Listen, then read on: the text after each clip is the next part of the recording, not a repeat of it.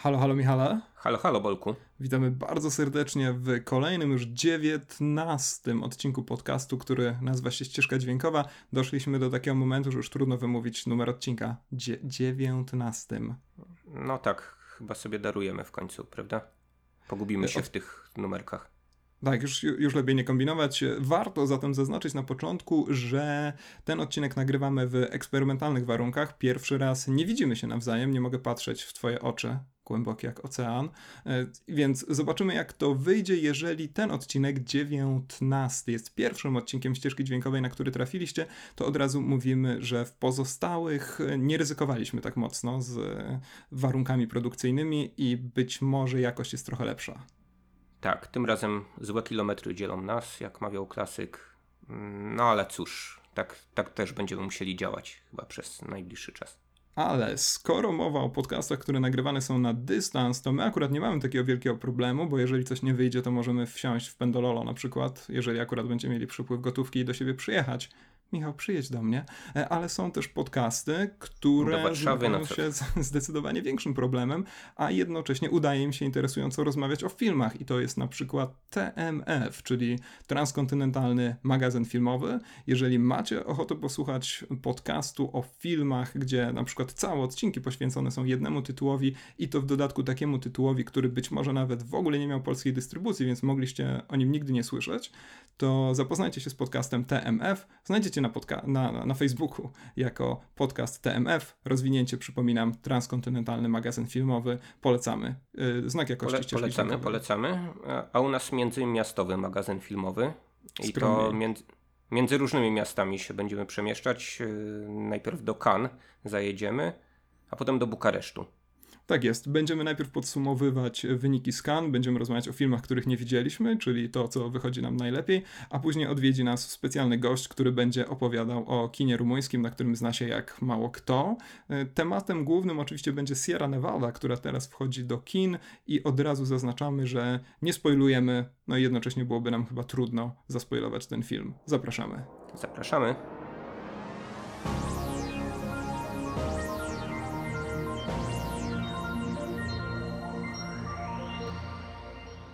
Skończyło się kan, Michał, i wypadałoby od tego zacząć nasz e, co dwutygodniowy, slash co tygodniowy, slash co czterotygodniowy kącik z wieściami. Rozmawialiśmy sobie o kan w odcinku numer 15. Zastanawialiśmy się, nie znając zupełnie tych filmów, kto zwycięży, a tu proszę, niespodzianka, wygrał film, o którym nie mówiliśmy w ogóle. No tak, nie było nas w kan, więc wygrał film, którego nie widzieliśmy, o którym nie mówiliśmy.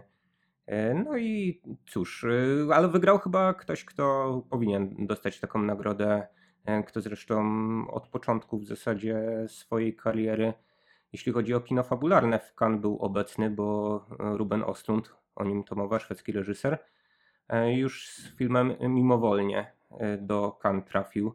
W jednej z sekcji prezentowano go. No i potem nominacja do Oscara za turystę, którego Widziałeś pewnie?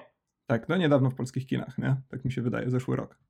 No właśnie, Ostlund y, y, zasłynął nie tylko takimi swoimi prowokacyjnymi bardzo filmami obnażającymi różnego rodzaju społeczne zachowania e, w Szwecji, ale zasłynął też przy okazji turysty między innymi chyba też pozorowanym, ale kto to wie, e, płaczem z powodu tego, że nie dostał tego Oscara, prawda? Widok, to teraz myślisz, y, że widzieliśmy jakieś nagranie z wręczenia Złotej Palmy? Czy cieszył się jakoś nadzwyczaj ekscesywnie? Skakał po fotelach, tak jak to pewien włoski komik robił, czy coś? Czy no, przyjął to na spokojnie? Prawdę mówiąc, nie przeczesywałem internetów pod tym kątem, także nie wiem, jaka była reakcja Oslunda, ale gdyby była jakaś nadzwyczaj gwałtowna, to chyba byśmy o tym wiedzieli, a mm, nic takiego do nas nie dotarło. Film, który zwyciężył, nosi uroczy tytuł The Square. Y, Tadeusz Sobolewski przetłumaczył to w swoich wyborczowych reportażach skan na skwerek, y, czyli jest to tytuł tytuł takiego filmu, na który na pewno nie poszedłbym do kina, y, ale cała rzecz opowiada, z tego co wiemy, o pewnym bodajże właścicielu czy kustoszu w Galerii Sztuki Współczesnej, który uwielbia produko produkować, produkować sztukę i prowokować tą sztuką. No tak, czyli to taka postać może w jakiś sposób bliska y, samemu Ostlundowi, który, jak wcześniej powiedziałem, no też jest trochę takim e, prowokatorem. W filmie mimowolnie na przykład był taką e, składanką e, różnych scen z zachowań Szwedów w różnym wieku, takich zachowań stadnych, można powiedzieć. I tam na przykład Ostlund eksplorował bardzo mocno psychologiczne uwarunkowania tego, jak się zachowujemy właśnie żyjąc w grupie. No, potem on w turyście e, rzecz jasna e, trochę postawił pod pręgierzem współczesną męskość i kobiecość, e, no a tutaj chyba dalej prowokuje w taki sposób, że stawia pytania, czym jest na przykład sztuka współczesna i po co ją dzisiaj oglądać. Tak sądzę, że o tym przede wszystkim jest film, czy w ogóle sztuka współczesna, ta taka sztuka muzealna, E, sztuka nowych mediów, jak to niektórzy mawiają, e, jest w stanie. A już się zaczyna robić nudno. O, dobrze, to już kończę mój wspaniały wywód ala Tadeusz Sobolewski. Czy ta sztuka w ogóle jest, jest w stanie do kogokolwiek e, przemówić, kimś wstrząsnąć? No poza tymi snobami sączącymi czerwone wino na wernisażach. Tak jest, powiem szczerze, że tak jak e, turysta dotyczył jednego moich, z moich lęków, to prawdopodobnie ów skwerek dotyczy drugiego, no bo turysta zadawał te groźne pytania o pewną kulturową konstrukcję męskości i tak dalej, e, a tymczasem tutaj na fragmencie ze skwerku, który można zobaczyć w internecie, widzieliśmy drugą rzecz, która mnie przepełnia takim zimnym strachem, to znaczy interakcję z publicznością podczas wystąpienia jakiegoś występu. Widzimy tam człowieka małpę, który lata wśród e, publiczności, roz, rozsiadłej się wśród stołów i wchodzi z nimi w różne interakcje. Ja się zawsze tego w różnych teatrach i tak dalej panicznie boję. Dlatego siadam zawsze na schodach, jak najdalej. Tak, a ja dlatego nie chodzę do teatru właśnie, bo boję się, że to będzie gorzej niż w trakcie walki bokserskiej na przykład no nie tylko ktoś chlapnie krwią na mnie, gdy będę siedział w pierwszym rzędzie, albo... Ale jeszcze cię ktoś zapyta. Nie, nie wiem, nie. O właśnie, to, to, to było najgorsze, na przykład jakiś film Andrzeja Wajdy. Nie ma dobrej strategii. Właśnie myślisz, że zaczęli cię przypytywać z dat na przykład. Nie ma dobrej strategii na zachowywanie się w takiej chwili. Warto wspomnieć, że Skwerek, już zaczynam oswajać się z tym tytułem, więc będę to często Nie, ja myślę, że nie będzie, nie będzie takiego tytułu. Skwerek, skwerek, wszystko. skwerek. E, no sorry, gdyby to była etiuda, to można tak ją nazwać. E, Skweruś, no, skweruczek. Ale tam nawet nie ma zdrobnienia w oryginale, tam jest po prostu The Square, a ja, ja, ja myślę, że znając y, różnego rodzaju dziwne tłumaczenia y, polskich dystrybutorów, to będziemy mieli kwadrat. Ty na ten? Kwadrat. Y, kwadrat, czyli puste mieszkanie, jak tam do, do, donosi słownik y, slangu miejskiego. Warto wspomnieć, że Skwerek, Skwerek, Skwerek dostał jeszcze nagrodę za najlepszy występ ko kota filmie. Drugą taką nagrodę dostał kot z filmu pod angielskim tytułem Faces Places, Wardy. No a Skwerek może się też nią pochwalić, więc super. Tym bardziej czekam. Jeszcze jakieś wrażenia Ale, z Cannes? No bo nie widzieliśmy Przepraszam, a propos tych kotów, bo ja nie słyszałem w ogóle Proszę. o tej nagrodzie. Tam konkurencja jest silna co roku? Chyba co roku się zmienia, tak mi no się wydaje. Ale w każdym filmie w Cannes, wiesz, w, zeszłym roku krytycy w Cannes zrobili sobie taki wykres, jakie tematy pojawiają się w filmach w Cannes, e, czyli wiesz, gwałty, pedofilia, ogólna ponurość i tak dalej. Nie wiem, czy tam koty występowały, e, ale, ale, ale myślę, że to jest jakby częsty zabieg, koty, koty w filmach, tak, zdecydowanie. E, coś jeszcze w Cannes zwróciło Twoją uwagę, Michał? Nagrody, skandale, wydarzenia, suknie na czerwonym dywanie? E, to, że był tam Will Smith, nie wiadomo czemu, był w jury Will Smith w tym wielkim święcie kina artystycznego, jak to szumnie Francuzi określają, ale przez to, że był e, Will Smith, to on się zapisał jakoś e, w związku z no, takim wydarzeniem, które było chyba motywem przewodnim całego Cannes, bo już pierwszego dnia to się zaczęło i do końca festiwalu dyskutowano o tym głośno, a mianowicie o o tym, czy filmy, które nie są dystrybuowane w kinach, powinny być pokazywane w Cannes. A rzecz jasna winnym jest Netflix, czyli ten straszny imperialista, o którym chyba co odcinek już teraz wspominamy. Mniej więcej, tak. No właśnie. I tutaj y, Pedro Almodovar, y, który był um, przewodniczącym jury, już na samym początku festiwalu stwierdził, że oto y, w, na festiwalu takim jak Cannes, wiadomo, właśnie święcie sztuki wysokiej, powinny być filmy, które są prezentowane w kinach, no a nie jakiś film Koreańczyka o wielkiej świni mówiliśmy o tym filmie Ogdża, e, niejakiego Bonga, e, czy... Tak, aczkolwiek nie chodzi o to, że to jest film o Wielkiej Świni, tak, tylko choć... dlatego, że nie ma dystrybucji tak, kinowej. oczywiście, chociaż To nie jest tak, że Pedro Almodovar nienawidzi to, filmów. To znaczy nie wiem, być może umyśle Pedra to wszystko się połączyło w jedną wielką całość, że oto Amerykanie przyjeżdżają z jakimś y, głupim filmem o komputerowej świni, co więcej, no, nie pokazują go nawet w kinie. No w każdym razie Pedro Almodovar popisał się niezłym, nie wiem jak to ładnie powiedzieć, nie chcę dzia- powiedzieć dziadostwem, ale też chcę powiedzieć, że zdziadział, więc dzia- dziadzieniem, niezłym dziadzieniem No się takim popisał. chyba nie, nieprzystosowaniem do rzeczywistości współczesnej, ale to nie jest tylko problem Almodovara, no to jest, y, jak sądzę, po reakcji różnych komentatorów y, problem dosyć szerszy, to znaczy można powiedzieć, że mamy do czynienia z jakimś starciem cywilizacji wręcz, tak? Tej cywilizacji dwudziestowiecznej, która nakazywała oglądać e, filmy w kinach, a potem je dystrybuować dopiero w innych mediach, no i czegoś, co już się dzieje, czyli tej takiej rewolucji e, internetowo-technologicznej, która w końcu, jak sądzę, doprowadzi do premier równoczesnych no, w różnych y, mediach, w różnych stanach odbiorczych na całym Will świecie. Smith zresztą fajnie odpowiedział no, ale- Almodovarowi, nie? że dzięki Netflixowi jego dzieciaki, inna sprawa, co sądzimy o jego dzieciakach, y, mogą oglądać ogromną liczbę filmów naraz. Może nie, no dobra, może nie naraz, ale w, w, ka- w każdej chwili nie są uzależnione od tego, co gra się w kinach. No, no to są Mogą sobie na czterech rzeczy. urządzeniach Jakby no. Pedro Almodovar powinien o tym wiedzieć. Nie? Ja rozumiem, że on jest trochę odklejony od rzeczywistości i to jest część jego uroku, ale bez przesady. W każdym razie chyba największym osiągnięciem Willa Smitha właśnie na festiwalu w, w Cannes jest y, ta ładna odpowiedź Almodovarowi. Tak, a z drugiej strony no, dowiedziałem się, że we Francji wciąż obowiązuje zasada, która u nas obowiązywała, jak sądzę, jeszcze w XX wieku, już, że filmy na VOD y, trafiają y, po premierze kinowej no, w odstępie minimum 36-miesięcznym, co jest no, dla mnie jakimś, jakimś lekkim szokiem. To, wiesz, tak, cytując najsłynniejszego Francuza, powariowali ci Francuzi. Znaczy parę części Harry'ego Pottera y, mogło wyjść w tym czasie, kiedy Francuzi siedzieli w komnacie tajemnic jeszcze. Ha. Y, Dobra, no to kończymy z Cannes, nie? Bo szczegółowo o dorobku reżyserów i reżyserek, którzy wystąpili w Cannes w tym roku, rozmawialiśmy sobie odcinków 15, w odcinku 15, także tam zapraszamy. Tak, tu jeszcze... przed, premierą Mhm. y, Skwerku polecamy chyba y, pooglądać Ostrunda wcześniejsze filmy, bo większość jego filmów jest jednak no, godnych uwagi. Y, To taki reżyser, który i takim pseudodokumentem się w pewnym momencie parał i krótkometrażówkami. Te filmy są trochę trudniejsze do znalezienia, ale może ktoś gdzieś y, znajdzie. Na przykład Incydent w banku, który na krakowskim festiwalu filmowym kiedyś dostał nagrodę. Właśnie krakowski festiwal filmowy trwa teraz. I w ramach dodatku Roman Polański zgadza się z Willem Smithem, że, czy też nie zgadza się z Willem Smithem w tym, że Netflix jest super i najlepszy, e, ale zgadza się w tym, że warto dać mu szansę, ponieważ Roman Polański nie wyobraża sobie oglądania filmu Borat samemu, to znaczy nie w kinie. Wyobrażasz sobie bardziej smutny obrazek niż Roman Polański samotnie przed laptopem oglądający film Borat?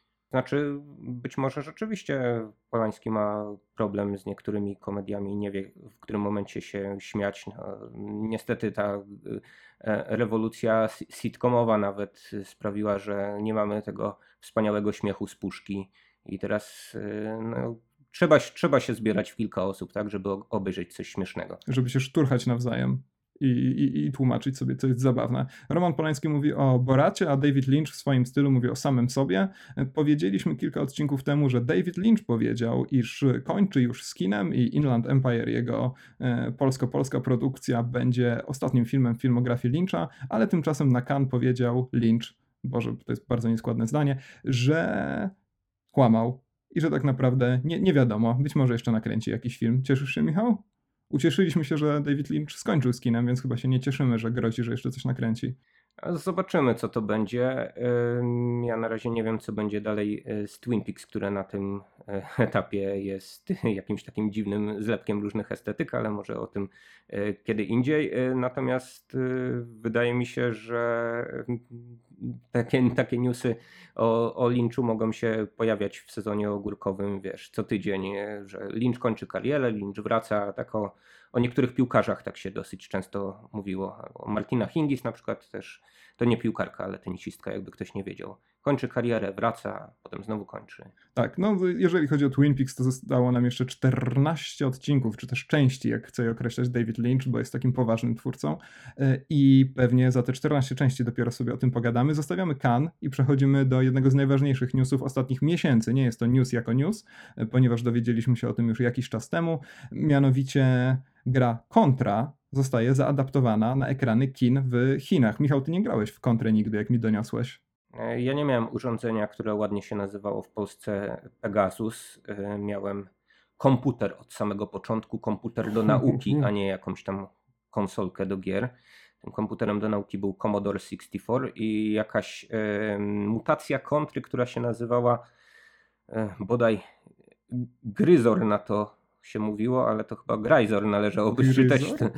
Trudno, po, trudno powiedzieć, kto stworzył tę grę, czy Polacy, czy, mm, czy obce nacje, więc, więc nie wiem, czy to był Gryzor, czy Gryzor. E, Nieważne, tak czy owak w to nie grałem, więc e, o kontrze chyba musisz e, przypomnieć słuchaczom ty. Tak, kontra, ja, ja też nie grałem w, kontrze, w kontrę na Pegasusie, grałem za to w kontrę na konsoli Terminator, która była taką podróbą Pegasusa. No to znaczy, tak, tak, tak, no działały te same kartridże i kontra polegała na tym, że biegało się i strzelało, najlepiej w dwie osoby, no, Roman Polański na pewno woli tak grać w kontrę e, i najbardziej charakterystycznym elementem tej gry było to, że można było zobaczyć jak przeciwnik w ciebie strzela, wyjść z psem, wyrzucić śmieci, wrócić przed konsolę, czy to Pegasus, czy Terminator e, i spokojnie kucnąć, żeby uniknąć tej kulki, bo leciała ona niezmiernie, niezmiernie powoli. Mam nadzieję, że cały film będzie utrzymany w takim klimacie, a tak to chyba nic więcej o tym nie wiemy. Ale to przypomnijmy, że biegało się i strzelało jeszcze wówczas, gdy biegało się i strzelało e, w 2D i biegnąc z lewej strony w prawą stronę ekranu, a, a nie tak jak e, teraz na przykład w, w 3D, że biegniesz gdzieś, gdzieś w głąb komputera i boisz się, a przynajmniej ja się boję dosyć często, że komputer mnie weźmie do środka. Więc zastanawiam się. A, myślałem, myślałem, że boisz, że się skończy monitor. Miał Zastanawiam się, czy, czy, czy właśnie film będzie trzymał tę estetykę, bo to byłoby takie bardzo fajne. Na przykład e, zobaczyć e, aktorów, którzy tylko biegną przez cały film z lewej strony ekranu w prawo i, i taki wielki traveling przez 90 minut który mógłby przebić A, to już by podchodziło pod kino artystyczne. No właśnie, to już by podchodziło pod kino artystyczne. Być może, jeżeli film oczywiście nie miałby premiery tylko na Netflixie, zobaczylibyśmy to w Cannes. E, Rampage też dostaje swoją adaptację filmową. To jest gra, w którą już grałeś, Michał. No tak, akurat ta gra na y, tak zwanym Commodorku zawsze y, zaprzątała moją uwagę, chociaż y, nie do końca umiałem w nią grać, bo gra była cokolwiek dziwna. Ta gra była jakąś taką mutacją King Konga, gdzie zamiast e, jednej wielkiej małpy e, burzącej miasto była małpa i dwóch jej kompanów, czyli e, wilk i jaszczur. No tutaj ewidentne nawiązanie do E, kina e, z wielkimi e, potworami. I... Albo nawiązanie do tak zwanej kary worka w prawie rzymskim, tak zwana pena kulei. Polecam wygooglować. Polegało to na tym, że wrzucało się ciebie, ciebie Michał, do mm. worka z kilkoma zwierzętami i wrzucało się do wody. Ale... I rać sobie. Ale z... nie, nie będziemy o tym rozmawiać. Co dalej? Co, z małpą, wilkiem i jaszczurem? Czy to jesteś wspólny? Nie no. Wydaje mi się, że była tam małpa. Y, I co z tym filmem, Michał? Co wiemy o filmie? No wiemy o tym, że zagra e, Dwayne The Rock Johnson, czyli twój ulubiony aktor e, w tym filmie. Nie wiem, czy e, on przebierze się w jakiś kostium i będzie burzył miasto, czy raczej to miasto będzie starał się ocalić, chyba że ty coś wiesz na ten temat. Nie, absolutnie nie. To od ciebie się dowiedziałem, Ale to ten film powstaje. znowu jedna z e, takich adaptacji, które się wpisują w jakiś e, dziwny nurt adaptowania e, czegokolwiek, co było grą komputerową. Mieliśmy kiedyś taki film Petera Berga, bardzo dziwny Battleship Bitwa o Ziemię, który miał być teoretycznie przynajmniej adaptacją gry w statki. Potem słyszeliśmy o y, potencjalnej adaptacji y, Tetrisa. Nie wiem po co to komu tak naprawdę, bo jakby kolejne ekranizacje różnych gier komputerowych y, udowadniają, że raczej specjalnie się na takich adaptacjach nie zarabia dużo pieniędzy, czy to Assassin's Creed, czy Warcraft, no nie podbiły kin, więc po co? No zobaczymy, to znaczy wydaje mi się, że teraz też producenci usiłują znaleźć jakąś nową drogę i z tego co wiem to adaptacja Uncharted, która w końcu się pojawi, będzie opowiadała o młodym Nathanie Drake'u, czyli będzie opowiadać historię, która gdzieś tam w grach tylko od czasu do czasu się pojawiła. Dobra, ale to nie jest temat, który myślę rozwiniemy jakoś e, nadzwyczaj twórczo. Jeszcze coś ciekawego się wydarzyło w świecie kina? Rozwiniemy ten temat na pewno, gdy adaptacje tych, tych gier się pojawią na ekranie. To będzie pewnie jakiś taki e, większy temat e, odcinka. E, czy w świecie kina coś się jeszcze ostatnimi czasy wydarzyło? No ja myślę, że te dwie informacje zdecydowanie zdominowały przekaz medialny, chociaż pewnie nie, nie wszyscy też słyszeli o tym, że w Stanach coraz, coraz em, Chciałem powiedzieć, że coraz, coraz trudniej jest SMS-ować w kinie, ale to nie o to chodzi. No, mamy dziwny przypadek, być może precedens na razie, ale zobaczymy, co z tego wyniknie. E, Kiedy to dwie osoby poszły sobie na randkę do kina na Strażników Galaktyki 2. No i cóż się stało?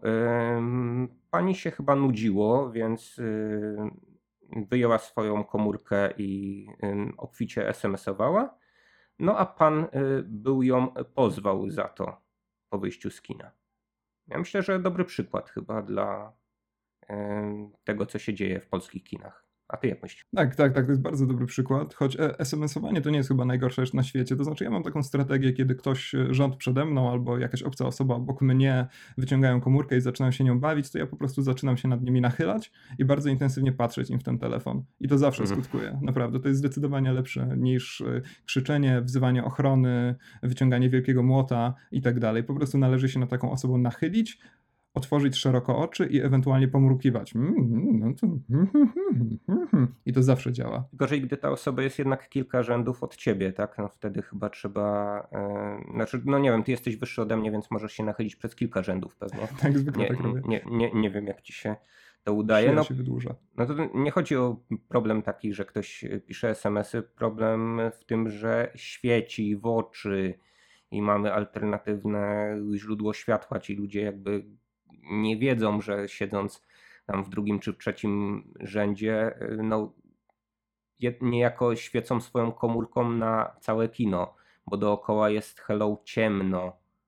Więc nie róbcie tego w domu, bo was pozwiemy, jak będziemy na tym samym seansie. Tak, tak jest teraz już. Znaczy ten precedens Mhm. pewnie w Polsce nie będzie działał, niemniej e, może ta informacja rozszerzy się na tyle, rozprzestrzeni się na tyle, że wszyscy już będą się tego bać. Swoją drogą w Stanach Zjednoczonych, e, bodajże w kinach AMC, sieci AMC, ale nie jestem pewien, pojawił się projekt wprowadzenia takich specjalnych sal, gdzie będzie można dowoli SMS-ować, tweetować, wchodzić na Facebooka e, i relacjonować film na żywo.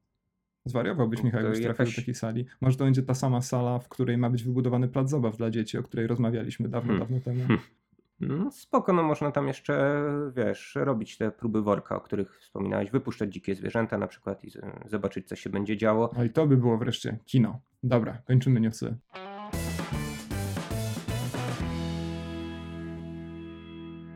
Rozpoczynamy nasz segment Tera Premiera, czy też drugi raz w historii tego podcastu Tera Przedpremiera, bo film, o którym będziemy rozmawiać, wchodzi na ekrany kin dopiero w piątek, a zatem najprawdopodobniej dzień po premierze tego podcastu. Jeżeli oczywiście wszystko dobrze pójdzie na ekrany kin, wchodzi też Wonder Woman, na którą Michał nie pójdzie, zadeklarował to już. Mm, Wcale tak nie deklarowałem, proszę mi tutaj e, nie imputować takich rzeczy, wyjdę na jakiegoś szowinistę strasznego, który unika superbohaterów. Dobrze, a nie, broń Boże, nie o to chodziło, chodziło raczej ogólnie o naszą ocenę stanu współczesnych blockbusterów. Wonder Woman ponoć jest filmem oglądalnym, co jest już chyba najwyższym stopniem uznania, jeżeli chodzi o współczesne, e, ogromne hollywoodzkie i nie tylko hollywoodzkie produkcje. Jeśli chodzi Ale o my zamiast- uniwersum DC przede wszystkim, tak? To Tak, tak, tak, bardzo mi się podoba. że najbardziej entuzjastyczne recenzje, jakie czytałem, mówią o tym, że no okej, da, się, da się przetrwać te dwie godziny w kinie. My zamiast cudownej kobiety będziemy dzisiaj rozmawiać o, będziemy omawiać dzisiaj e, ponurą rumuńską rodzinę w filmie Sierra Nevada, a jeżeli tego będzie wam mało, to będziemy też omawiać ponure rumuńskie filmy o śmierci, No, aborcji, bez przesady. komunizmie. Nie wszystkie, I tak nie wszystkie są tak ponure i ten film też tak ponury nie jest, więc y, zachęcamy trochę humoru tam w tym filmie jednak jest. Nawet może trochę Troszkę więcej niż trochę. Troszkę, troszkę humorku będzie, a o tym humorku i nie tylko humorku opowie nam zaproszony specjalnie do naszego studia ekspert od najnowszego kina rumuńskiego, czyli Michał. Dzień dobry, Michale. Bonjour. Co nam opowiesz y, o, jak nas zachęcisz do Sierry Nevady i co to jest w ogóle to nowe kino rumuńskie, nowa fala kina rumuńskiego, to o czym, prawda, wszystkie krytyki tyle mówią. Ja na początek y, chciałem przeprosić, że mój głos bardzo przypomina drugiego prowadzącego ten podcast, y, ale niestety y, no, dopadła mnie jakaś infekcja gardła, no i mogę brzmieć tak jak ten gość, który się tu zwykle pojawia. A, ucz się od najlepszych. Mhm. Mm, tak, przez to, że dokonałem tego wstępu, to zapomniałem o co zapytałeś. Zapytałem cię, o co chodzi z tą słynną nową falą kina rumuńskiego, o, którym tyle, o której tyle się mówi. No to, że jest y, słynna, to y, nie ma jakichś wątpliwości, bo y, nagród festiwalowych dla kina rumuńskiego mamy bardzo dużo w XXI wieku, łącznie ze Złotą Palmą, czyli największą możliwą nagrodą festiwalową. Natomiast to, że jest to nazywane nową falą, no to jest problem chyba krytyków filmowych, którzy muszą oczywiście wszystkie kinematografie narodowe, tak zwane, wrzucać do jednego worka. I jeżeli e, ktoś z Rumunii zrobi jakiś film, no to jest to film rumuńskiej nowej fali. No a te filmy jednak pokazują, że e, potrafią się różnić e, stylistycznie i estetycznie, chociaż duża część z nich rzeczywiście jest do siebie podobna, przypomina takie realistyczne obserwacje z naszego nawet e, właśnie środkowo-wschodniego podwórka, dlatego może te filmy są e, nam tak bliskie, bo pokazują ludzi nam podobnych, z podobnymi doświadczeniami też przepracowywania komunizmu, albo też te filmy wręcz sięgają do czasów komunistycznych i tam się rozgrywają, jak najsłynniejszy z nich 4 miesiące, 3 tygodnie i 2 dni. Christiana Mungiu, właśnie ten film nagrodzony Złotą Palmą w 2007 roku. Y, właśnie, w 2007 roku to jest też trochę problem z określaniem tych rumuńskich filmów mianem nowej fali, bo to od razu gdzieś tam kojarzy się z tą nieszczęsną albo szczęsną francuską nową falą, która trwała 3 lata jakieś, w porywach 5, a tutaj mamy kino, które już od lat no, ponad 15 pływa na, na Tak, no to jest tak, tak, tak, taki nurt, który no właśnie dosyć fajnie też y, da się jakby czasowo wyznaczyć, dlatego że w ogóle historię kina rumuńskiego można by zacząć od XXI wieku, co nie byłoby jakimś takim bardzo dużym nadużyciem, jeśli chodzi o jakieś takie wyjście kina rumuńskiego w świat, to oni mieli raptem e, jedną nagrodę w XX wieku, czyli e, absolutnie nic w porównaniu z kinem polskim lub czeskim.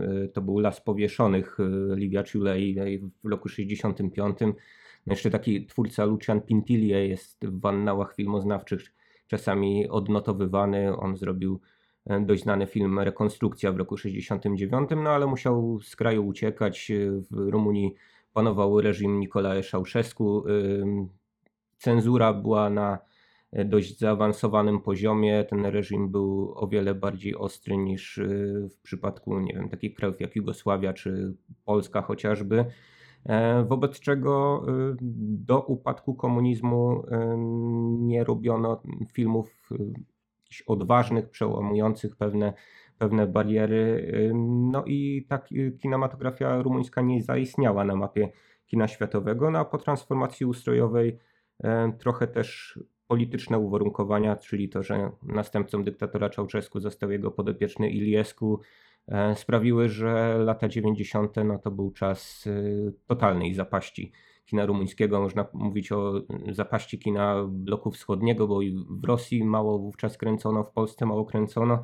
No ale y, chyba y, nie znajdziemy drugiego kraju europejskiego, w którym y, zdarzył się rok, w którym nie powstał żaden film. A tak było właśnie z Rumunią w roku 2000, więc to jest traktowane jako tak zwany rok zerowy w kinematografii rumuńskiej.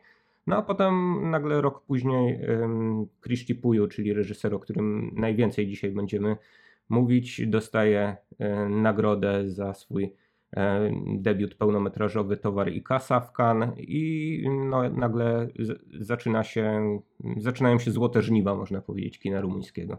No właśnie, ale te złote żniwa w dużej mierze są oparte właśnie na pokazywaniu tego, że mimo, że niby jest lepiej, bo na przykład możemy oglądać rumuńskie filmy, to tak naprawdę w Rumunii niewiele się zmieniło, bo duża część z tych filmów, jak mi się zdaje, jest właśnie próbą takiego ukazania, że mimo, że komunizm upadł, i przypomnijmy, że w Rumunii upadł w taki bardzo brutalny, krwawy sposób, to jednak bardzo dużo takich komunistycznych zducha instytucji przetrwało, tak? I mamy na przykład tą śmierć pana Lazaresku, czyli jeden z tych dwóch takich filmów obok właśnie czterech miesięcy, które pokazały światu nową falę i to jest film, który z kolei ukazuje w jaki sposób taka okrutna biurokracja, no spoiler już w tytule, doprowadza do, do, do śmierci niejakiego pana Lazaresku, który ze względów różnych formalnych komplikacji, ograniczeń nie jest w stanie e, uzyskać jakiejś takiej efektownej pomocy. E, jest taki, no właśnie, wspomniałeś o humorku w rumuńskiej Nowej Fali. Jest taki film 12.8 e, na wschód od Bukaresztu. To jest z kolei rzecz, która stara się rozliczyć właśnie trochę z takim mitem tej e, rewolucji, która właśnie rozpoczęła się, rozpoczęła się o godzinie 12.08 i ma taką bardzo mocno farsową konwencję. To jest taki film, od którego można, że tak powiem, w taki lekki sposób rozpocząć rumuńską Nową Falę. Czyli okej, okay, tylko oczywiście używamy tej nazwy Rumuńska Nowa Fala tylko dlatego, że musimy nagrać w miarę szybko podcast i po prostu potrzebujemy jakichś takich zręcznych terminów, ale cały czas podkreślamy pewną zdradliwość tego terminu, więc jeżeli ktoś chciałby zacząć od jakiegoś takiego filmu, to moglibyśmy to polecić? Czy ty jesteś e, większym fanem na przykład kolejnego filmu tego reżysera, czyli Porumboju, czyli filmu o uroczym tytule Policjant Przymiotnik? To już nie jest humorek. Mm, tak, to znaczy tak, y, wydaje mi się, że 12.8 na wschód od Bukaresztu na pewno jest y, udanym i dobrym filmem, ale Policjant Przymiotnik jest jednym z arcydzieł e, kina rumuńskiego współczesnego. I to, I to jest już film, w którym no, dochodzi do głosu e, coś, co e, jest no, kategorią wyróżniającą chyba wiele jednak filmów rumuńskich, y, czyli chodzi mi o, tutaj o kategorię y, moralitetu, bo o ile 12.8 na wschód od Bukaresztu była, tak jak powiedziałeś, y, satyrą, zresztą Porumboju z tych, Corneli Porumboju z tych wszystkich rumuńskich reżyserów wydaje mi się reżyserem, którego no, najbardziej ciągnie w stronę takiej komedii. To nie są czyste, czy, czy, czysto komediowe filmy, które on realizuje, ale jednocześnie chyba najbardziej skrzące się e, dowcipem i humorem z nich wszystkich. E, no, podobny e, w duchu był Skarb, który w ubiegłym roku bodaj był na naszych ekranach kinowych, ale rzeczywiście Policjant Przymiotnik, film, który mm, w zasadzie z perspektywy tego tytułowego e, policjanta pokazuje mm, to, że co prawda Rumunia przeszła transformację ustrojową, ale e, no, pewnej transformacji w umysłach ludzi, e,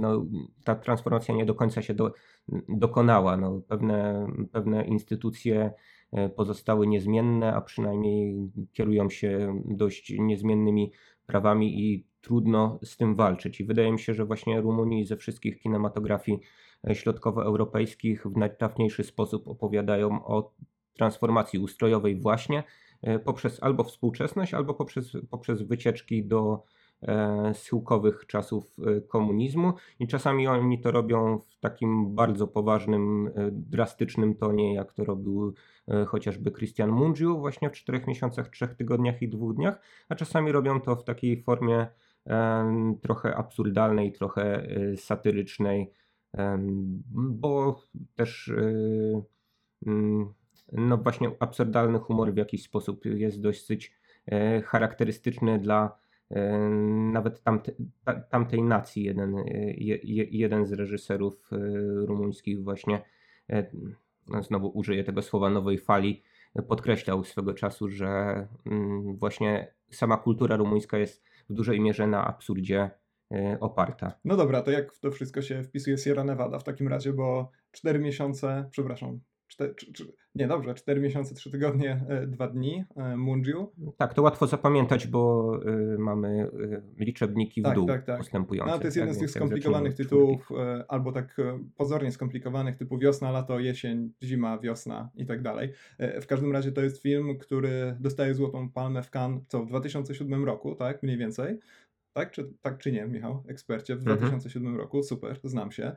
E, A tymczasem film, nad którym dzisiaj się będziemy rozpływać, Sierra Nevada, miał premierę prawie 10 lat później, bo też w Cannes, gdzie zresztą chyba nie dostał żadnej nagrody, w 2016 roku. No tak, wielka szkoda, bo y, wielu obserwatorów kanańskiego y, konkursu ubiegłorocznego, zresztą my już poniekąd możemy być takimi obserwatorami ubiegłorocznego konkursu, bo większość chyba filmów z tamtejszego konkursu widzieliśmy, y, stwierdzało, że no, zamiast kolejnej Złotej Palmy dla kanału Ocha należało przyznać ją właśnie Christianu Puju i to była mm, mm, to, była, to byłby taki dowód no, świetnej też ewolucji y, tego reżysera, który, jak wspomniałem, no, najpierw w, 20, w, 2000, w 2001 przepraszam, roku e, dostał nagrodę jest, jeszcze w 15 reali, realizatorów, czyli no, w takim, takiej trzeciej co do ważności kategorii konkursów kaneńskich. Tak,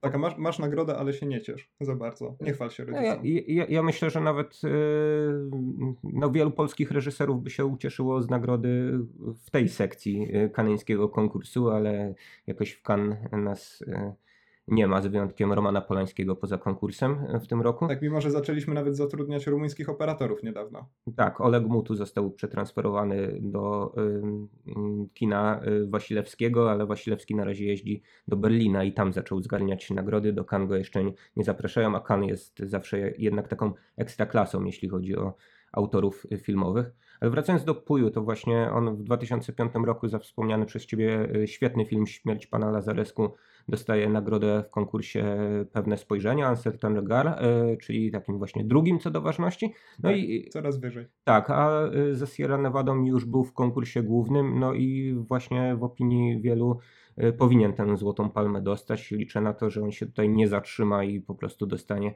tę złotą, pal tę złotą palmę za film następny. Dlaczego ten film zasługuje na złotą palmę? Myślę, że poniekąd ze względu na to, że on y, w bardzo e, trafny sposób korzysta z tych e, dokonań e, poprzedników i jakby rozwija też sam e, styl e, Puju. E, To znaczy w tym filmie znajdziemy właśnie i e, taki dosadny, dociekliwy, em, oparty na wnikliwej obserwacji szczegółu e, realizm i e, wycieczki w stronę e, właśnie takiego absurdalnego, groteskowego portretowania bohaterów.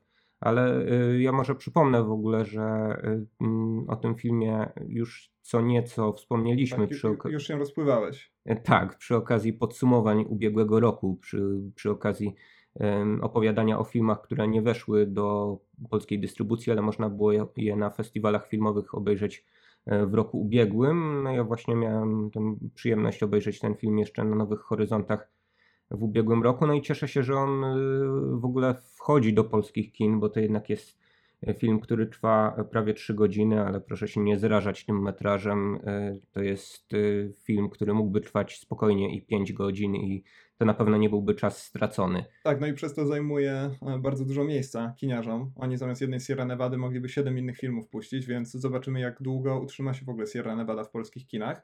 E, To jest rzecz, która opowiada nam już o zupełnej współczesności, e, choć jeżeli znamy rumuński i przysłu- przysłuchujemy się wiadomościom w radiu w Sierra Nevadzie, to możemy zorientować się, że jest to delikatna przeszłość, bo dzieje się to chyba dzień, a w każdym razie bardzo krótko po zamachach w, w, redakcji Charlie Hebdo.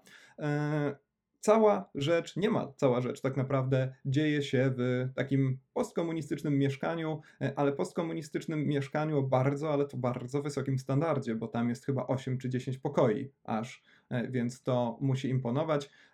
Rumuńska rodzina zbiera się. Być w może są to dwa mieszkania połączone w jedno, bo czasami tak się w różnych kamienicach działo, prawda, że wyburzano ściany i, i, i łączono mieszkania ze sobą, ale no nie powiedziałbym, że sam, y, y, same te pomieszczenia są jakimiś pomieszczeniami o podwyższonym standardzie. Tak, no to, to jest zestaw takich malutkich komnat e, i rzecz dzieje się na stypie. tak? Ponieważ patriarcha rodu niedawno odszedł do nieba, a może w drugą stronę, tego, to, to, tego się nie dowiemy. No i teraz mamy to, czego boi się każdy, nie tylko Rumun, ale też Polak i tak dalej, to znaczy zebranie ogromnej, liczby, ogromnej naprawdę liczby członków rodziny w tych kilku pomieszczeniach. Zwiastun Sierra Nevady to jest dość ciekawa e, rzecz. Widziałeś zwiastun Sierra Nevady, Michał? Ten e, polski? Niestety tak, niestety, gdyż e, to jeden z najgorszych zwiastunów filmowych, jakie widziałem w ostatnim czasie.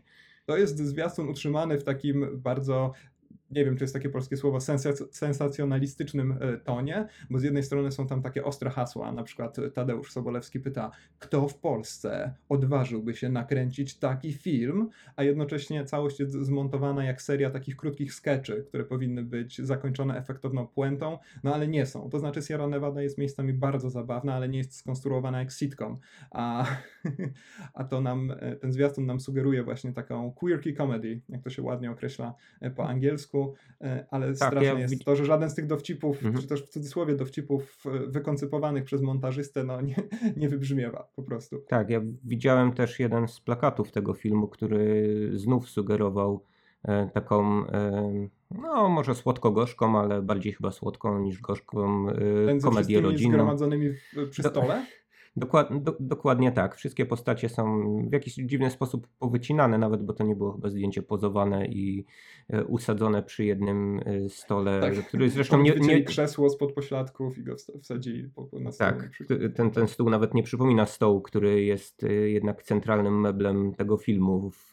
Wokół tego stołu toczą się różne rozmowy i ujawniane są no, pewne tajemnice bohaterów w dialogach oczywiście, ale w dialogach właśnie, które są rozbudowane, które jednak wymagają e, skupienia i uważnego śledzenia tego, co się mówi, a na pewno nie są jakimiś takimi właśnie punchline'ami, mm, które sugerowałby e, zwiastun. Także, no już abstrahując od tego, że, że ten, ten zwiastun jest właśnie pocięty, poszatkowany, pomontowany w, w taki sposób, jakby rzeczywiście estetyką e, Puju była estetyka no, kina chyba, ujęcie przeciw ujęcie, jeden, jeden bohater mówi, drugi e, strzela w niego ripostą, potem jest odpowiedź i tak dalej. Ale to chyba poznęcamy się na... Tak, a tu tymczasem mamy na przykład bohaterkę, która odwrócona jest plecami do kamery przez całą scenę i trudno ją tak efektownie wymontować. Myślę, że nad kwestiami promocji y, rumuńskich i nie tylko rumuńskich filmów poznęcamy się przy innej okazji, bo to jest temat na jakby dłuższą rozmowę. I to już niedługiej możemy zapowiedzieć. Jeżeli znacie dziwaczne przykłady takich zabiegów polskich i nie tylko dystrybutorów, to możecie je gdzieś tam nam podsyłać i wpisywać. Na pewno wykorzystamy w jednym z najbliższych odcinków. Natomiast tutaj chciałbym wspomnieć o tym, że estetyka tego filmu bazuje właśnie na dosyć cierpliwej obserwacji zachowań bohaterów i temu też e, podporządkowany jest e, styl obrazowania e, w tym filmie, który właśnie z jednej strony rozgrywa się w tych ośmiu, bo ośmiu, ale ciasnych pomieszczeniach, wobec czego ruchy kamery są cokolwiek ograniczone. Dość często kamera wychodzi na zewnątrz pomieszczeń, w których rozgrywa się akcja, czyli z perspektywy korytarza przedpokoju pokazuje no przynajmniej wycinek y, topografii tych miejsc i daje to takie spojrzenie z zewnątrz. E, wspomniałeś mi wcześniej, że to dla ciebie jest takie spojrzenie ducha na tę całą rodzinę, tak? Jakiejś osoby. Tak, to znaczy ja jestem absolutnie zachwycony w ogóle pracą kamery w tym filmie, e, bo z jednej strony z tego, co mówimy, możecie wykoncypować, że to jest właśnie taki film, który polega na takiej zupełnie neutralnej obserwacji, na tym, że po prostu ta kamera gdzieś tam przysiada, niczym to przysłowiowa mucha na ścianie, my się siłą rzeczy gdzieś tam identyfikujemy z obrazem, która, z obrazem tej kamery, z samą kamerą nawet, e, a tymczasem tak absolutnie nie jest. To znaczy, ta kamera jest tam bardzo aktywna, ona fantastycznie pływa w, w, w, przez te wszystkie 8 czy 17, czy ile ich tam jest pomieszczeń, ale jednocześnie ta kamera ma bardzo wyraźnie zarysowaną osobowość, tak mi się zdaje w każdym razie. Wydaje mi się rzeczywiście, że moglibyśmy gdzieś tam iść tym tropem, że tak naprawdę obserwujemy to wszystko chociażby oczami tego zmarłego niedawno patriarchy rodu, który przyjrzy się raz jednemu członkowi rodziny, później innej członkini rodziny, ale za bardzo go oni nie interesują, bo on już nie żyje, więc wreszcie ma z nimi spokój, a nawet święty spokój, więc ani razu gdzieś tam nie wejdzie im jakoś nadzwyczaj brutalnie w strefę, w strefę intymną, E, i tak dalej, raczej prześlizgnie się, posłucha sobie, pod, podsłucha właściwie sobie kogoś innego i tak dalej. Cudownie, cudownie to jest nakręcone i w ogóle e, od tej strony realizatorskiej Sierra Nevada jest piekielnie imponująca. To znaczy, ja muszę przyznać, że już dawno nie jarałem się tym, jak zrobione są na przykład te wielkie hollywoodzkie widowiska, że tutaj roboty i dinozaury i coś tam jeszcze i to wszystko lata i skacze sobie po głowach i wygląda niesamowicie bo jakby zdaję sobie sprawę z tego, że to ciągle jest jakby duże wyzwanie dla grafika komputerowego, ale naoglądałem się chyba za dużo tych smutnych ludzi grających do piłeczek ping-pongowych na przykład, żeby, żeby się tym jeszcze podniecać, a w Sierra Nevadzie ogromne wrażenie robi to, jak Puju ogarnia całość, o, o, ogarnia tą ogromną liczbę postaci i, i, prowadzi nas przez te różne bardzo skomplikowane wątki. To, co w Sierra Nevadzie mi się również podoba, to to, że Puju cały czas sugeruje pewne główne wątki, czy też nawet jakieś główne tematy tego filmu, po, tylko po to, żeby zaraz potem zmylić trop. I tak na przykład no, pierwsza część filmu tak naprawdę zasadzona jest na tym, że my, my my razem z członkami rodziny e, czekamy na popa, który ma się pojawić w pewnym momencie.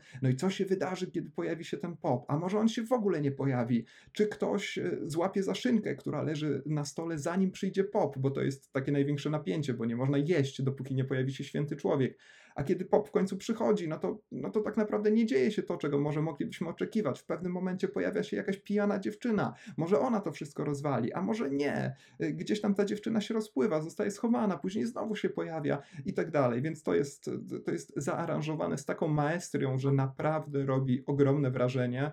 Jestem przekonany, że ten film zrobi dużo większe wrażenie pod tym kątem realizacyjnym niż, niż Wonder Woman na przykład, z którą konkuruje w kinach.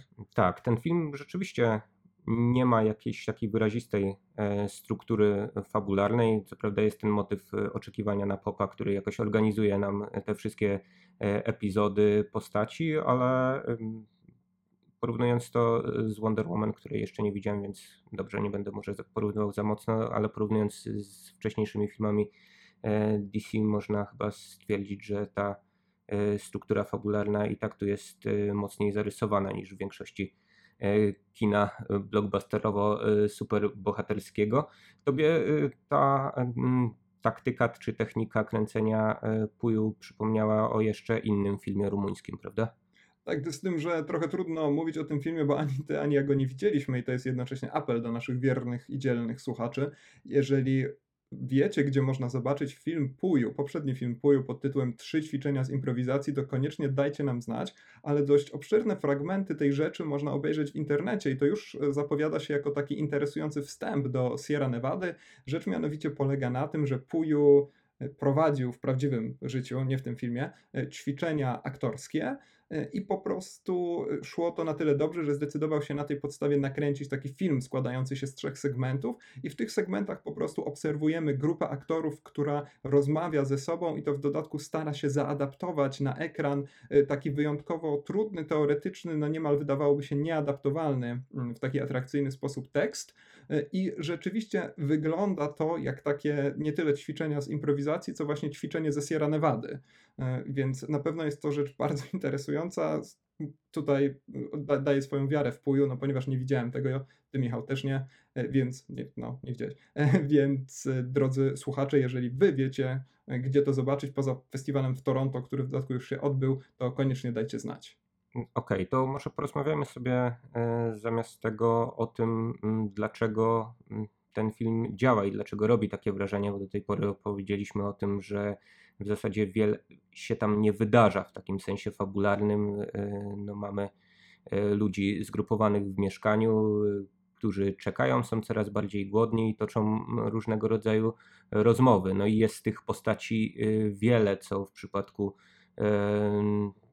takich filmów oczywiście jest wyzwaniem wielkim dla reżysera, ale też wyzwaniem dla widza, który no, musi, musi z różnymi E, postaciami e, przebywać, e, różnym postaciom się przyglądać i no nie mamy tutaj takiego zabiegu, który jest bardzo powszechny w komercyjnym kinie, hollywoodzkim na przykład, że oto wiodący bohater, który wyposażony jest w cechy podobne większości y, widzów, y, no jest jakby motorem napędowym y, fabuły. Co tutaj Puju robi takiego, że rzeczywiście ten film jest no, dużo lepszy od wielu filmów, które mają e, jednostkowego bohatera.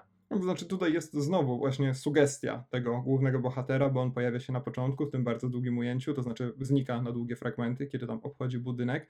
No i on jest chyba też bohaterem czegoś, co mm, przy jakiejś tam dobrej, dobrej wierze moglibyśmy nazwać kulminacją tego filmu. Chodzi mi tutaj, nie spoilując za bardzo, o scenę rozmowy w samochodzie, gdzieś tam w, właśnie pod koniec e, Sierra Nevady, ale znowu kamera e, cały czas z tego bohatera, za przeproszeniem, schodzi, zajmuje się innymi postaciami i tak dalej, i tak dalej dalej.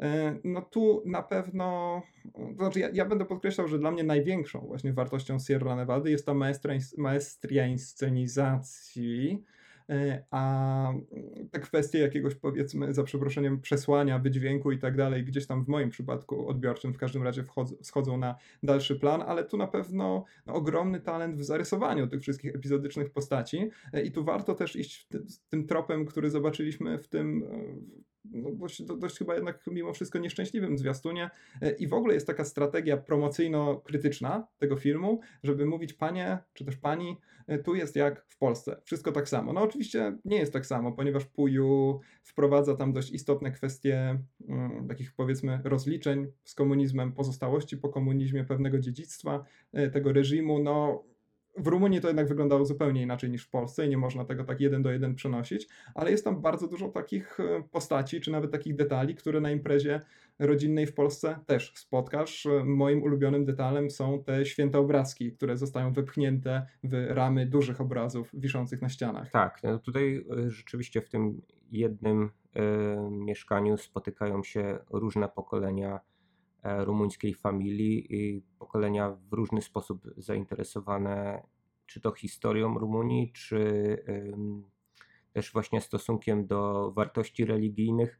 E, wiadomo, że jest e, trochę podobnie jak w Polsce, że mm, to ostatnie, najstarsze pokolenie pamiętające komunizm zwykle do różnego rodzaju rytuałów jest E, przywiązane najbardziej, chociaż e, trochę w, e, w kontrze do tego stoi postać ciotki komunistki. A z drugiej strony mamy chociażby postać kuzyna, którego też takiego kuzyna, którego spokojnie można byłoby spotkać na polskich uroczystościach rodzinnych, kuzyna zafascynowanego teoriami spiskowymi, który twierdzi, że 11 września był zorganizowany przez Amerykanów, no i ma wiele różnych innych teorii, na które E, mówiąc e, eufemistycznie, e, nie wzbudzają specjalnej aprobaty i poklasku ze strony mm, pozostałych bohaterów przy stole, więc ja rozumiem polskich krytyków filmowych, którzy przystawiają ten film do polskiej rzeczywistości, bo to jest rzeczywiście taki film, który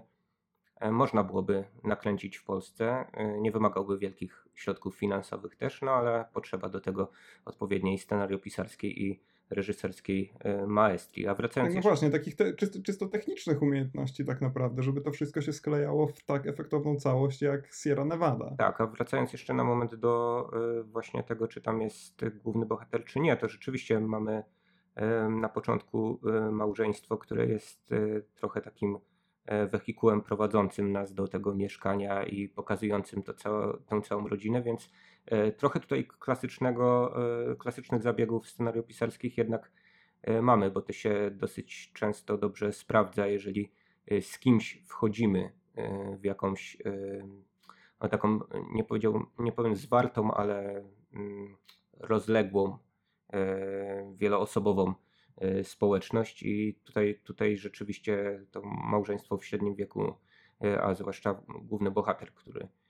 który jednak ma więcej do powiedzenia niż jego żona, która znika w pewnym momencie z tego e, filmu, mógłby taką, e, taką postacią być, takim, takim łącznikiem też między tymi różnymi pokoleniami, no bo to jest człowiek, który jakoś dorastał jeszcze w trakcie komunistycznego reżimu, coś stamtąd pamięta, jednocześnie ma już trochę takie zdystansowane spojrzenie na przeszłą Rumunię i też E, poniekąd e, zdystansowane spojrzenie na e, te wszystkie współczesne problemy, które na przykład tak bardzo mocno fascynują e, tego kuzyna zwolennika teorii spiskowych.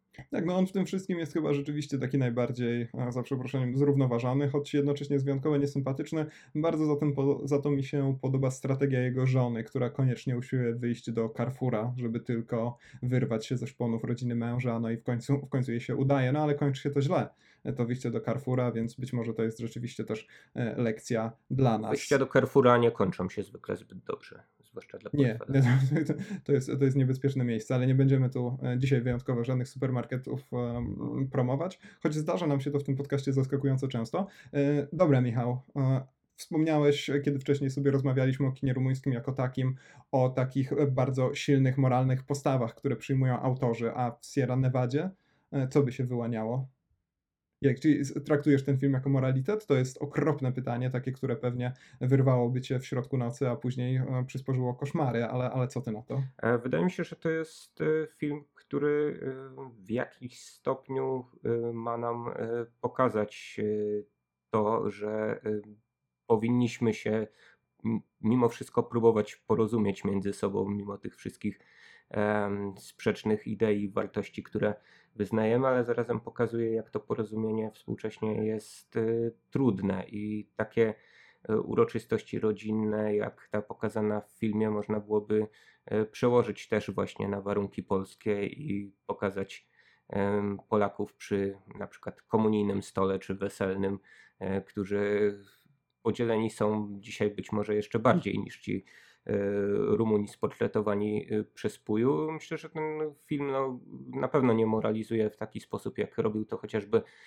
egzamin Christiana Mundziu, który opowiadał o lekarzu, który jest w dużym stopniu hipokrytą no, i o korupcji też toczącej rumuńskie społeczeństwo, czy innym świetnym, czy w innym świetnym filmie ostatnich y, miesięcy, który miałem okazję obejrzeć na mm, ostatnim festiwalu Off Camera, czyli e, filmie Piętro Niżej mm, Radu Munteanu, Radu Munteana, który to y, znowu pokazuje mm, skutki takiej obojętności znieczulicy społecznej. E, tutaj Puju pokazuje właśnie skutki tego, jak nie potrafimy się dogadać, mimo że no, w zasadzie jesteśmy sobie dosyć bliscy. E, w takich e, najprostszych, najprostszych relacjach bardzo łatwo jakiś zgoła głupi punkt zapalny. To się tylko nie dzieje tylko i wyłącznie w tej rodzinie Puju. Na samym początku wychodzi z kamerą poza to mieszkanie, no i jeszcze inscenizuje potem taką ciekawą scenę przy samochodzie między sąsiedzkich porachunków E, która też jest y, no, jakby dosyć dobrym e, przykładem tego, że mm, wiele nam nie potrzeba, żeby skoczyć sobie do gardeł i pod tym względem może rzeczywiście e, Puju w jakiś sposób moralizuje, ale to nie jest specjalnie dosadne. Tak, no to jest raczej taki film, z którego jak mi się zdaje wychodzi się rzeczywiście z poczuciem niepokoju i taką e, automatyczną niemalże potrzebą e, przekładania pewnych wydarzeń życia codziennego na to, co przed chwilą widzieliśmy w kinie i to też jakoś e, zmienia albo przynajmniej rozszerza perspektywę. Dobra Michał, czy będziemy jeszcze rozmawiać o Sierra Nevadzie, bo niedługo ta rozmowa będzie dłuższa niż czas dystrybucji tego filmu w polskich kinach. Ja myślę, że Sierra Nevada jest takim filmem, o którym spokojnie można było rozmawiać, przekraczając y, metraż tego filmu, no ale nie będziemy y, słuchaczom psuć pewnie odbioru tego filmu. E, ja mogę tylko ze swojej strony e, polecić y, wiele innych współczesnych e, filmów rumuńskich. Wiele tytułów z nich już tutaj padło na tej antenie. Jeśli ktoś nie zna kina rumuńskiego, to bardzo zazdroszczę, że będzie mógł się E, zapoznać z tymi wszystkimi wspaniałymi tytułami. E, powiem z mojej strony jeszcze tyle, tylko że mm, w przypadku e, kina rumuńskiego to jest jedna z nielicznych takich kinematografii, gdzie mogę w zasadzie w ciemno iść na jakiś film festiwalowy. I jest naprawdę mała szansa, że ten film będzie filmem przeciętnym. Nawet nie mówię nieudanym, bo nieudane filmy rumuńskie, które widziałem, to mogę na palcach jednej ręki e, policzyć, a większość, większość tych filmów to jednak filmy właśnie bar bardzo dobre bądź, y, arcydzieła. Więc nie wiem, czy chcesz jeszcze opowiedzieć o jakimś na przykład swoim, e, ulubionym filmie rumuńskim, czy jednym z No, ulubionych, wspomniałeś o, o Munteanie, czyli autorze Piętro Niżej. No on wcześniej, ja Piętra Niżej e, nie widziałem ze względu na moją częstą absencję na imprezach festiwalowych, e, ale on wcześniej zrobił Wtorek po świętach. E, To jest film, do którego myślę można dość gładko ze Sierra Nevady przejść, choć zdecydowanie bardziej szarpie za flaki niż film Puju, bo to też mamy do czynienia z taką kameralną, zamkniętą w kilku ścianach historią. Tutaj z kolei jednak wątki są bardzo no może nie bardzo, przesadzam. W kinie rumuńskim nic nie jest bardzo, ewentualnie może być bardzo dobre, ale wątki są ja- jakieś tam jednak zarysowane i tu mamy z kolei do czynienia z dramatyczną historią rozstania, zdrady, kłamstw w związku i tak dalej. E, I to wszystko przeprowadzone jest tak, że właśnie e, wyrywa ci żołądek i później jeszcze e, gdzieś tam szarpie za serducho. Rzecz jest zupełnie kapitalnie nakręcona. No i mamy też Aferim, czy też Aferim, bo tam przecież wykrzyknik jest na końcu, ale nie będziemy tutaj krzyczeć w trosce o nasze i wasze uszy. Radu przy, Judę, przy filmie rzecz, Uciekaj która... krzyczałeś, tak? W filmie z wykrzyknikiem. A rzeczywiście. No to teraz też jakoś starałem się mocniej zaakcentować. A, a, aferim. Aferim. E, W każdym razie film, który tak ładnie się określa mianem Easternu, bo jest to rzecz, która e, w odmie- e, w, no, nie dzieje się na zachodzie, tylko na wschodzie, a konkretnie na Wołoszczyźnie dawno temu. I rzeczywiście jest to taki. No ja, ja nie lubię za bardzo takich e, niemalże losowych porównań, takich nie, nie losowych, tylko takich automatycznych porównań do westernu, prawda? Bo to jednak wymaga, wymagałoby według mnie jakiejś tam, za przeproszeniem, głębszej refleksji, ale rzeczywiście e, jest to rzecz e, po pierwsze hi- historyczna, po, drudze, po drugie osadzona w klimatach niemal przygodowy, przygodowych, tylko że to wszystko jak na kino przygodowe dość zaskakująco się ciągnie, ale jest, jest, jest to film abs- absolutnie zachwycający. Jeżeli mamy dwóch ludzi na koniach w XIX wieku, to dla niektórych recenzentów automatycznie to jest western. Niezależnie Tak, od tak, tak. No i ko- konie i ludzie. Tak, każdy Tak, film ale jest i ludziach e, to, ten, western. ten film Radu Jude nagrodzony e, za reżyserię na festiwalu w Berlinie jest jakimś takim ciekawym przykładem dla mnie tego, jak e, e, kino rumuńskie też się odrywa od tego no, takiego sztampowego wyobrażenia estetyki kina rumuńskiego współczesnego. Od, od, odrywa się od takiej właśnie czysto realistycznej obserwacji tego tu i teraz. Y, To jest film bardzo mocno e, wystylizowany, film czarno-biały, film e, posługujący się specyficznym e, kadrowaniem, na takim panoramicznym obrazem też przez to może te związki, związki z westernem tutaj jakoś się e, narzucają, wobec czego Rumunii no, nie, nie zamykają się tylko w jednej estetyce na pewno. E, A co do Radu Munteana, no to właśnie to jest kolejny taki e, reżyser, który e, wydaje mi się bardzo ciekawie ewoluuje, to znaczy każdy kolejny film jego jest e, moim zdaniem przynajmniej lepszy od poprzedniego. On e, zadebiutował filmem Papier będzie niebieski, taką hi- historyczną e, opowieścią o czasach e, rewolucji e, w Rumunii, y, a potem e, no, te, jego, te, te jego kolejne filmy Bugi, Wtorek po świętach i w końcu Piętro niżej e, wydają mi się takimi coraz bardziej y, dojrzałymi, e, zniuansowanymi mm, psychologicznie także opowieściami e, o y, Rumunii już e, współczesnej. No jest tych autorów y, sporo i też y, optymistycznie optymistycznie y, można spojrzeć na y, to kino rumuńskie współczesne z racji tego, że y, już przynajmniej kilkunastu zaznaczyło się na festiwalowej y, mapie świata, a z drugiej strony są to y, ludzie jak na reżyserów bardzo młodzi. No, dość powiedzieć, że najstarszy jest właśnie y, Cristi Puju, który y, 50 lat w tym roku kończy bądź skończył. No to jest rocznik 1967. Nie, nie pamiętam dokładnie, w którym miesiącu ma urodziny, ale e, życzę mu z, z tego miejsca wszystkiego dobrego.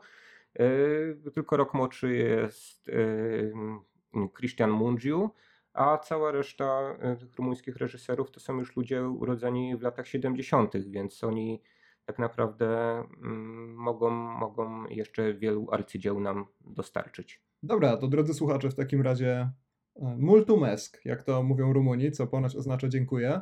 Oglądajcie kino rumuńskie, a w każdym razie zdecydowaną większość. My Wam już dzisiaj bardzo dziękujemy. Możecie nas no nie wiem, możecie nas polubić na Facebooku, możecie wystawić recenzję na iTunes, możecie nawet subskrybować na YouTubie, wszystko możecie zrobić. Możecie napisać na maila ścieżka dźwiękowa gmail.com, możecie podzielić się z nami jakimiś pomysłami na bardzo dziwne strategie promocyjne polskich i nie tylko dystrybutorów, bo o tym będziemy niedługo rozmawiać. No i co, Michał? Bardzo Ci dziękujemy, że jako ekspert od kina rumuńskiego postanowiłeś e, nawiedzić nasze studio. E, No i Dziękuję, że mogłem chociaż raz poudawać eksperta. tak, y, ja, ja, ja czułem się tutaj bardzo onieśmielony, e, ale też do, dobrze mi było w, w, w, tej, e, w, te, w tej sytuacji, w takim układzie między nami.